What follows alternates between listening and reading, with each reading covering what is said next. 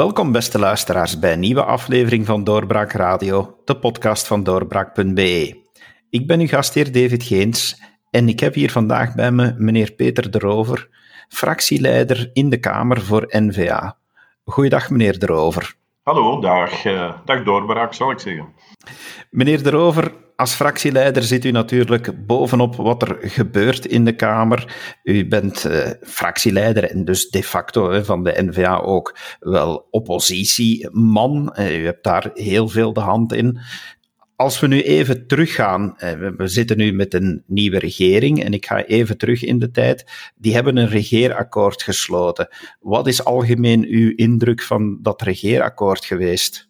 Wel, bij de voorstelling van dat regeerakkoord in het Europees Parlement eh, door de omstandigheden, eh, hebben wij in eerste instantie toch wel ehm, opgemerkt dat, ehm, dat dat akkoord vol zit met uh, voluntaristische bewoordingen, zoals men dat dan noemt. Gezegd dat het door een marketingmachine was gedraaid, maar dat je achter die mooie woorden eigenlijk heel weinig concrete ja, actieplannen en dergelijke terugvond. Men ging van alles bestuderen en bekijken.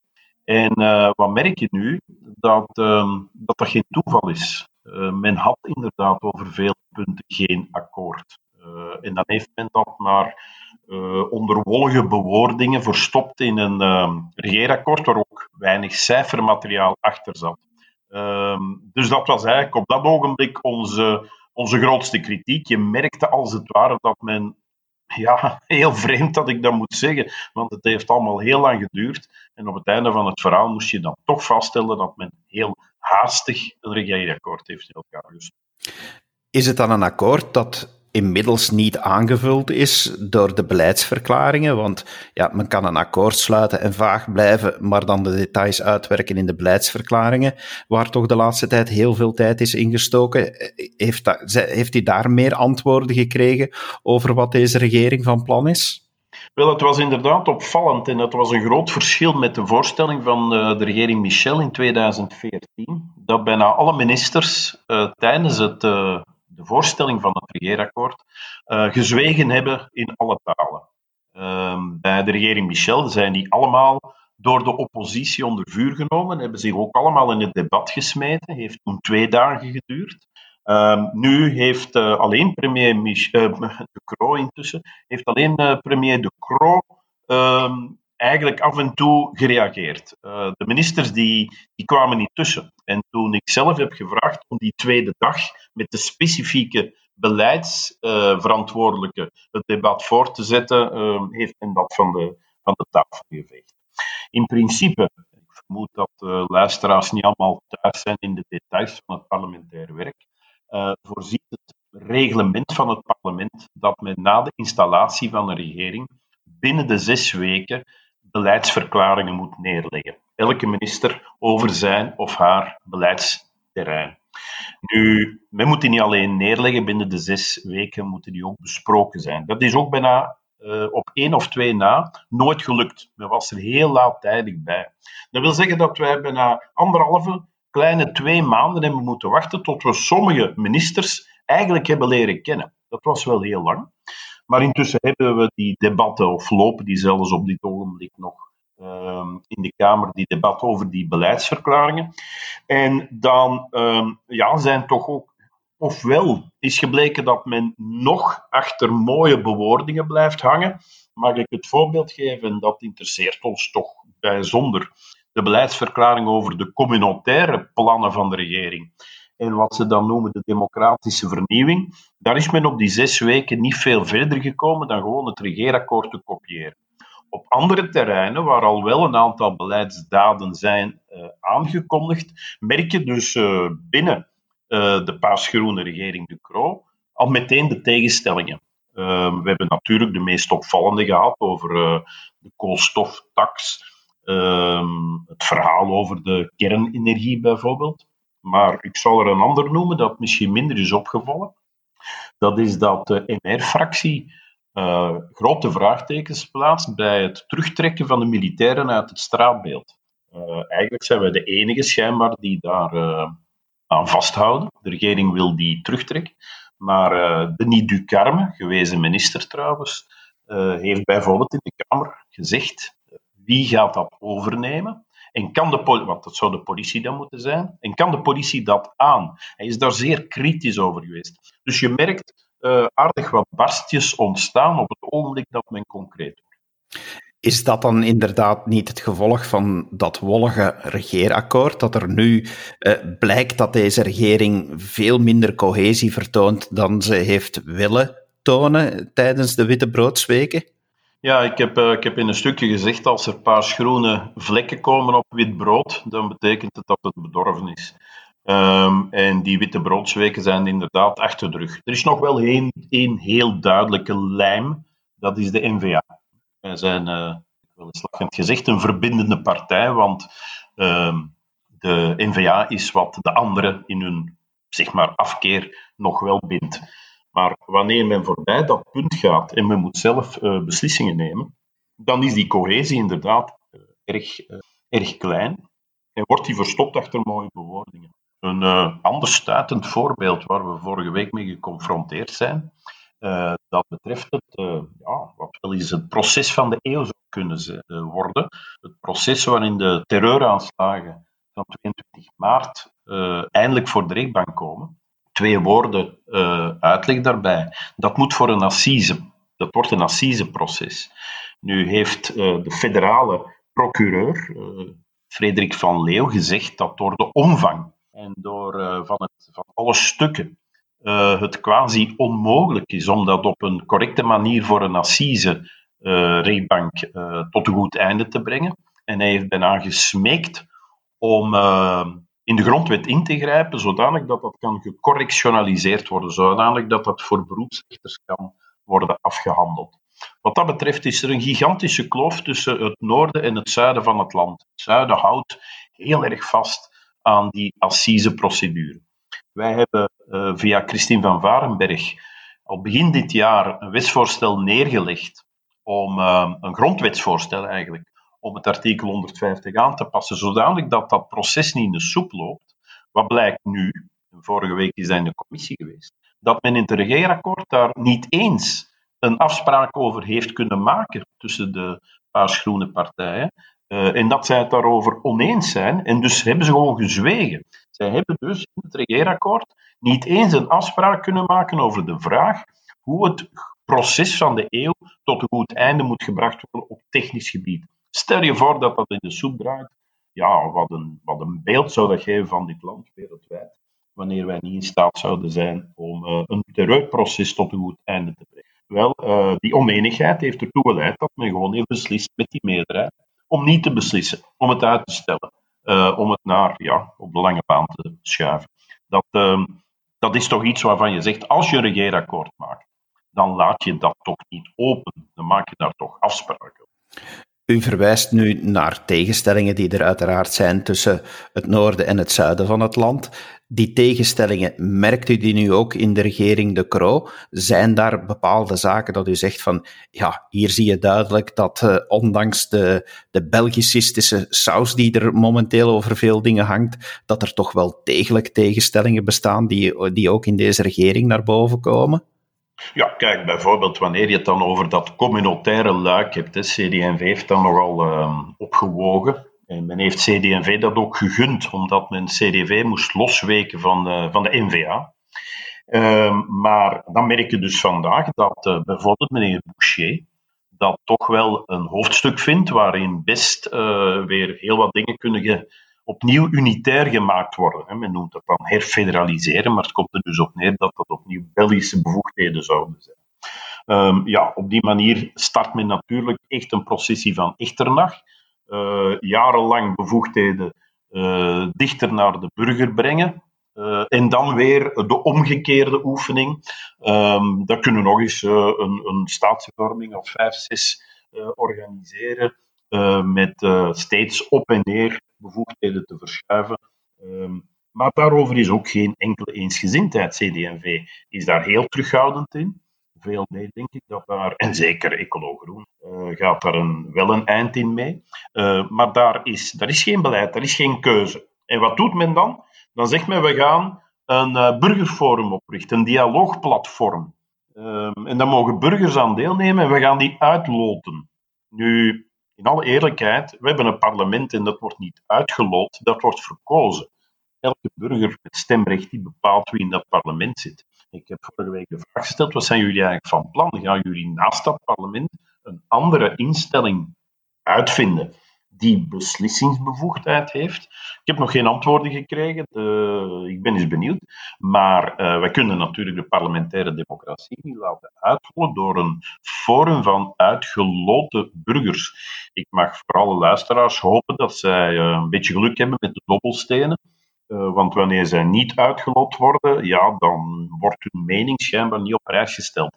Um, maar op die manier vermijdt men natuurlijk dat de politici en dat deze regering haar verantwoordelijkheid moet nemen. Men kan dat dan afschuiven naar een of ander burgerplatform en daar zich achter verstoppen om zelf geen verantwoordelijkheid. Ik vind dat een uh, ernstige degradatie trouwens van, uh, van de parlementaire democratie. En wanneer dat in het hoofdstuk uh, politiek en democratische vernieuwing staat, ja, dan vind ik dat, uh, dat wordt toch wel een vorm van newspeak. Hè?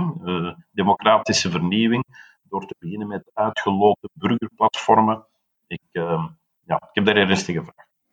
U verwees ook al naar het feit dat N-VA de verbindende partij is, zoals u een beetje lachend meegaf, omdat de lijm bij de regering De Croo is laat ons maar tegen de N-VA zijn is het dan het probleem ook niet voor u, als, eh, voor uw rol in de oppositie, om toch ook het onderscheid te maken met die andere oppositiepartijen? En dan denk ik in de eerste plaats aan het Vlaams Belang.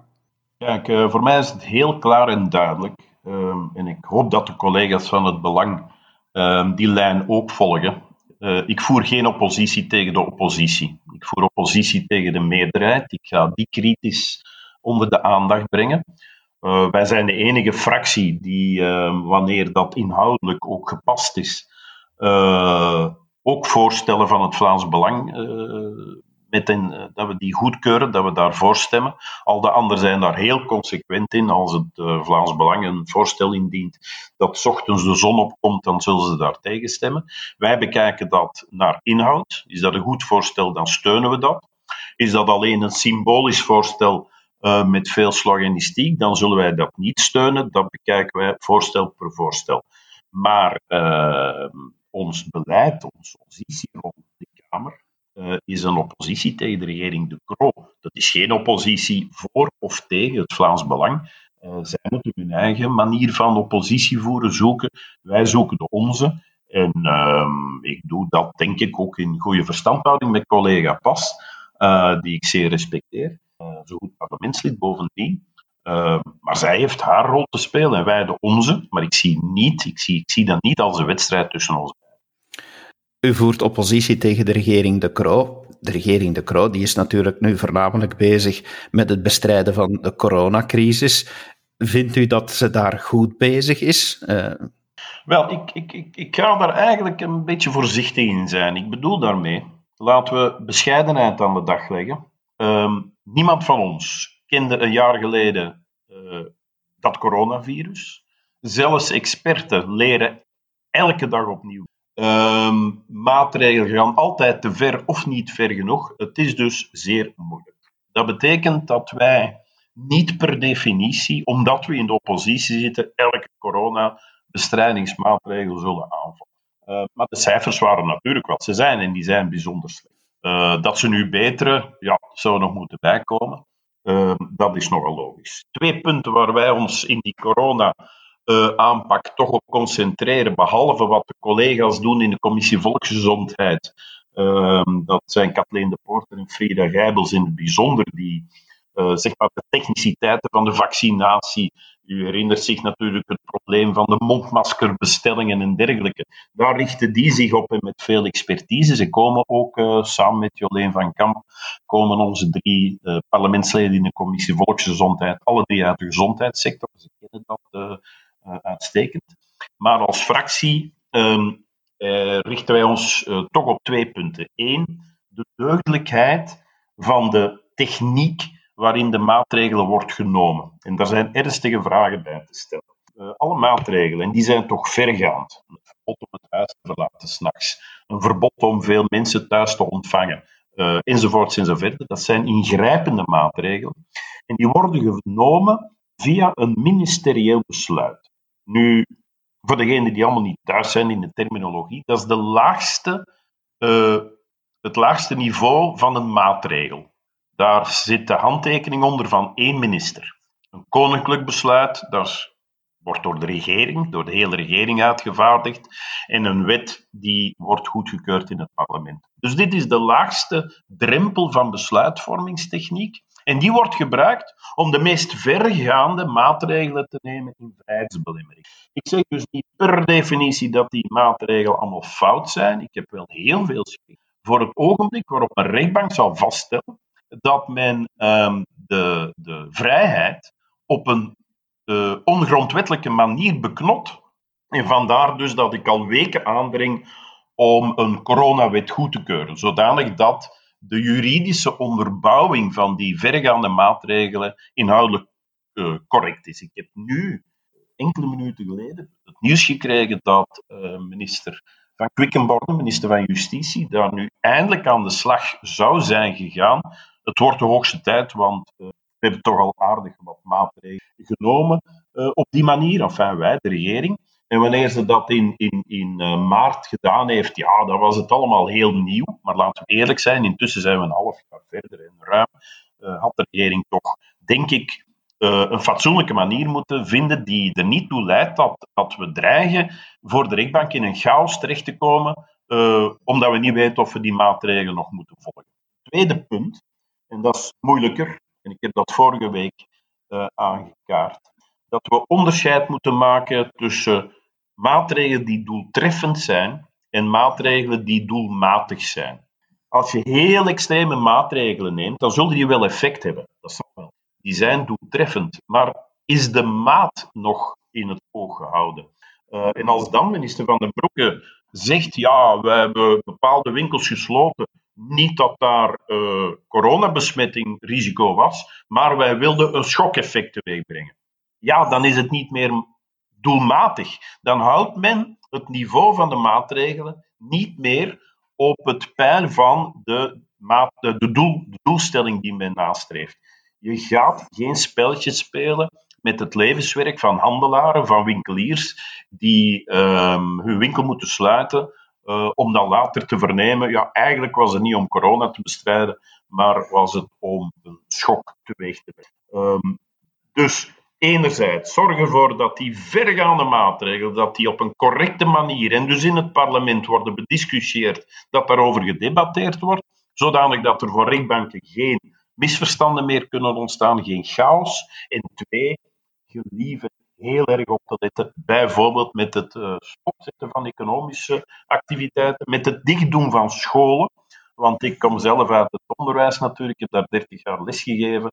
Uh, als je nu weet dat de helft van de leerlingen kampt met leerachterstand, ja, dat is ook een echt drama. Er wordt een hele generatie jonge mensen op dit ogenblik, um, ja, wordt, wordt het recht op onderwijs ontnomen. Dat zijn vergaande dingen. Ik ben heel blij dat Ben Wijts, wat dat betreft, zich toch heel erg verzet tegen een uh, al te vergaande sluiting van scholen. Um, en dat is heel moeilijk, daarvoor moet hij een serieuze strijd leveren, want er zijn er die wat dat betreft toch minder aandacht hebben uh, voor, het, uh, ja, voor het hele idee dat jonge mensen recht hebben op, op onderwijs en dat dat ook hun toekomstige kansen natuurlijk in grote mate hoe moeilijk is het voor u om oppositie te voeren op federaal niveau, terwijl u op Vlaams niveau uw partij de regeringsleider uh, levert? Want ja, uiteindelijk zit er dan toch altijd een tweespalt tussen die, of, of een spreidstand tussen die twee. Ja, absoluut. Dat is ook niet te ontkennen, want Jan, Jan Jan Bon, die is minister-president uh, en die is NVA. Als minister-president is hij natuurlijk altijd de woordvoerder van een compromis waar altijd vlekjes CD&V en VLD in zitten. Dat is ook normaal. Uh, dat zijn degenen die samen de meerderheid vormen. Uh, terwijl ik natuurlijk, mijn collega's in de Kamer, uh, woordvoerder ben van de N-VA-lijn.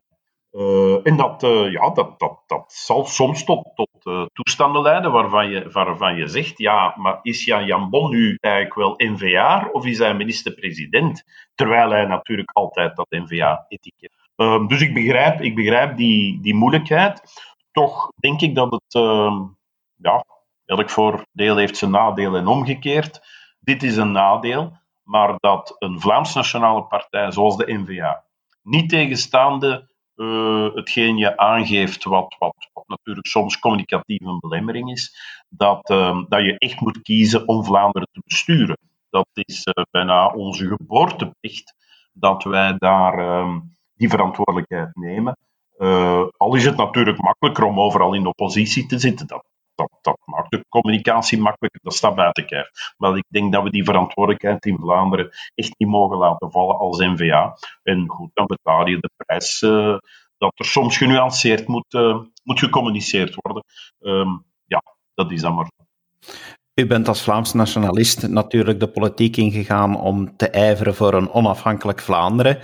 Denkt u dat u dat uh, nog gaat meemaken, dat we daar ooit naartoe kunnen gaan? Ja, die vraag is me gesteld in de standaard en ze hebben er meteen de kop van het interview van gemaakt toen ik zei, ik weet niet zeker of ik het nog meemaak. Nu, dat is ook zo. Ik weet niet zeker of ik het nog meemaak. Ik weet uh, wat de toekomst betreft trouwens niks zeker.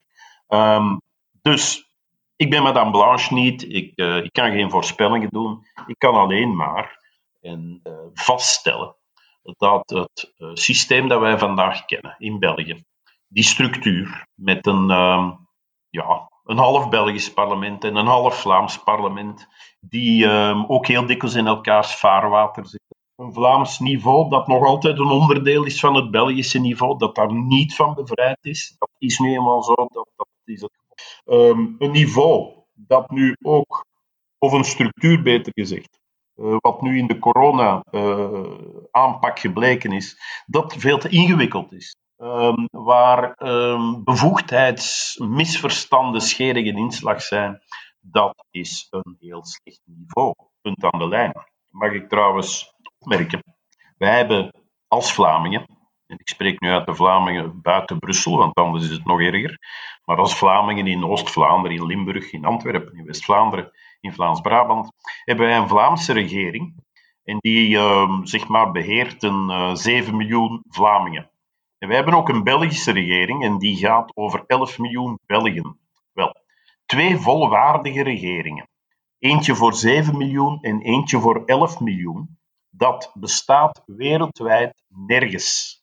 Nergens ter wereld hebben mensen zo dicht tegen elkaar twee volwaardige regeringen. Ik zeg niet dat er weinig voorbeelden zijn, er is er geen enkele behalve hier bij ons.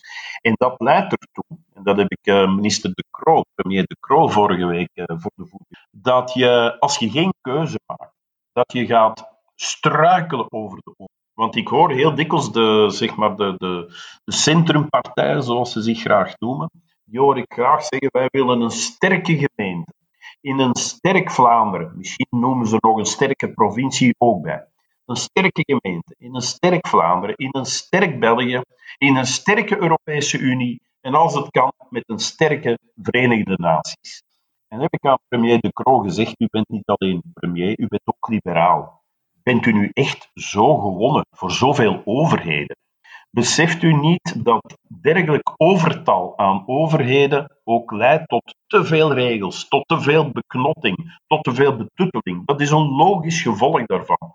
En ik denk, als je al geen Vlaams nationalist zou zijn, dat je tenminste als liberaal daar toch een niveau tussenuit zou willen halen.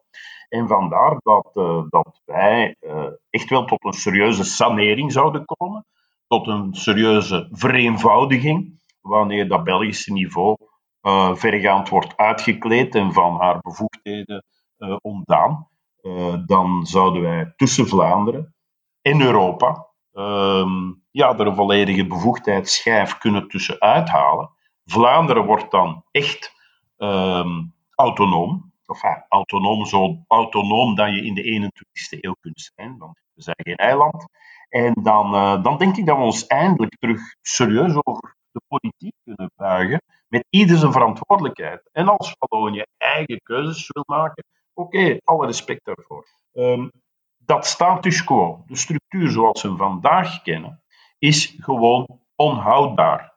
En dat is het punt. En dan moet je echt niet voor met Vlaamse leeuwen zwaaien, wat mij betreft. Je moet gewoon naar de inefficiëntie van de structuur. En dat gaat dan over het politiek debat, want ik heb niks tegen Wallonië. En ik moet u zeggen, sinds ik in het federale parlement zit, uh, kom ik veel in contact uiteraard met uh, collega's uit het andere landsgedeelte. Ja, daar zitten uitermate fijne mensen tussen. Uh, de Ardennen is een prachtig gebied. Maar dat geldt ook voor, voor Frankrijk, Duitsland, Nederland. Het is dus niet omdat je een overheidsgrens trekt dat de overzijde pot zou bestaan uit mensen die je niet meer wilt zien of waar je geen contacten mee zou willen hebben. Heeft daar niks mee te maken. Het gaat over een doeltreffend bestuur. En naar het schijnt wil uh, premier De Croo een doeltreffend bestuur. Wel, ik denk dat het weghakken van dat Belgische niveau en dat eventueel laten terugschroeven tot, tot een symbolische koepel. Ik denk dat dat nu eens een keer de belangrijkste stap zou zijn naar meer doeltreffend. Dat is een analyse. Denkt u dat deze regering stappen in die richting gaat zetten, of net eerder stappen terug naar de andere kant? Wel, dat, uh, dat valt af te wachten. CD&V maakt zich sterk dat op het vlak van gezondheidszorg. En dat staat ook in het uh, toch wel een stuk uh, naar de verder naar de deelgebieden, naar de deelstaten zou gaan. Kijk, het is niet omdat wij in de oppositie zitten dat wij elke stap gaan bevechten. Als dat een goede stap is, dan een goede stap. maar het is niet genoeg. Blijft, blijft halfbakken werk. En als men dat dan nog zou gaan combineren met een beweging in de andere richting op andere terreinen, ja, dan blijven we eigenlijk in deze, hoe zou ik zeggen, wantoestand qua structuur. Dan blijven we daarin hangen en dan ehm, ja, dan, dan, dan blijven we verstikken met, met al die overheden, met al die bevoegdheidsbotsingen. Um, dus ik, ik vrees dat de echte structurele aanpak in deze regering weinig kans maakt. Uh, ik vrees dat een beetje bevoegdheden naar Vlaanderen, ja, de CD&V dat zal moeten inkopen, moeten betalen met een aantal andere bevoegdheden uh, de andere richting uit. En dat, uh, ja, dat blijven natuurlijk gewoon in, in de modder ehm, vastzitten. U bent gepokt en gemazeld in de Vlaamse beweging. Vindt u dat deze Vlaamse beweging in deze materie momenteel te stil blijft? Kijk, ik, ehm, ik wil terughoudend zijn om. Ehm, ik, heb, ik heb ben 30 jaar actief geweest in de Vlaamse beweging. Maar ik ben geen schoonmoeder. En het is niet aan mij om te zeggen wie wat moet doen. Ik weet natuurlijk dat het succes van de NVA en van het Vlaams Belang uh, zorgt natuurlijk wel voor uh, een, uh, een, serieus verlies aan personeel in de Vlaamse beweging. meer mensen dan bijvoorbeeld toen ik voorzitter werd van de Vlaamse Volksbeweging. Um, ja, de Volksunie was niet erg aantrekkelijk en het Vlaams blok wellicht toen nog. Um, daar was ook niet iedereen voor gewonnen. Kortom, daar ontstond toen een potentieel van jonge mensen ook die, die via die Vlaamse beweging hun Vlaams engagement wilden vertalen. Ik denk dat, dat die nu makkelijker opgeslorpt worden door een van de politieke partijen. En dat leidt voor de Vlaamse beweging wellicht toch een beetje tot ehm, ja, verlies van man- en vrouwkracht. alle begrip daarvoor. En uh, daar ga ik ook niet uh, meewarig over doen. Dat, dat, dat zijn van die evoluties die nu eenmaal plaatsvinden. Um, ik denk alleszins dat um, de Vlaamse beweging zich moet blijven, en dat is altijd mijn optiek geweest, zich moet blijven focussen, blijven richten op die staatsstructuur die we nu vandaag kennen en die ertoe leidt dat wij in Vlaanderen een bestuur hebben dat altijd gehinderd wordt door dat Belgische niveau. Uh, en in België een bestuur hebben dat natuurlijk, uh, waar we ons heel dikwijls niet in herkennen. Uh, en dat men dat debat, ehm, hoe zou ik zeggen, ja, op een manier moet voeren dat ook mensen daar eens over beginnen nadenken, zonder dat zij over een Vlaamse stamboom beschikken, zonder dat zij generatielang al zeg maar in dienst van die, die Vlaamse ontvoogding zitten. Ik denk dat daar uh, groepen mensen kunnen aangesproken worden op een rationele manier, met, met pure argumentatie. Dat gezegd zijnde, um, ja, het blijft natuurlijk ook altijd wel iets van een, uh, ja, van een gevoelsmatige aangelegenheid. Ik denk dat je dat ook nooit helemaal mag wegduwen. Vaderlandsliefde in alle landen is ook een zaak van emotie, van samenhorigheid, van als groep meer te kunnen dan wat je alleen kan. Uh, en dat vraagt ook altijd een definiëring ten opzichte van degene die niet tot die groep behoren. Dat moet niet vijandig zijn. Je moet niet vijandig staan ten opzichte van anderen. Maar je moet wel duidelijk maken dat je andere projecten hebt. En uh, dan is het een kwestie van Vlaams leven en Waals laten leven. Meneer De Rover, dank u wel voor uw toelichting en voor dit gesprek. Uh, dat heb ik bijzonder graag gedaan. en zeker voor de doorbraak, waar natuurlijk altijd wel wat jeugdsentiment is te veel gezegd, maar het sentiment van toen ik nog een frisse, jonge hinde was in het maatschappelijke. Wel, ik denk dat het een goede zaak is dat we inderdaad uh, u regelmatig nog eens horen en uh, uw mening kunnen verkondigen op doorbraak. Bedankt voor uw tijd en uw beste luisteraar. Dank u wel dat u hebt afgestemd op onze podcasts. Surf zeker ook naar onze website en kijk eens hoe u ons kan steunen door een vriend te worden van Doorbraak. Dat helpt ons om verder door te gaan. Graag tot een volgende keer. Dag. Dit was een episode van Doorbraak Radio, de podcast van doorbraak.be. Volg onze podcast op doorbraak.be/radio of via Apple Podcasts, Overcast of Spotify. Bezoek ook onze website op doorbraak.be en steun ons door een vriend te worden van Doorbraak.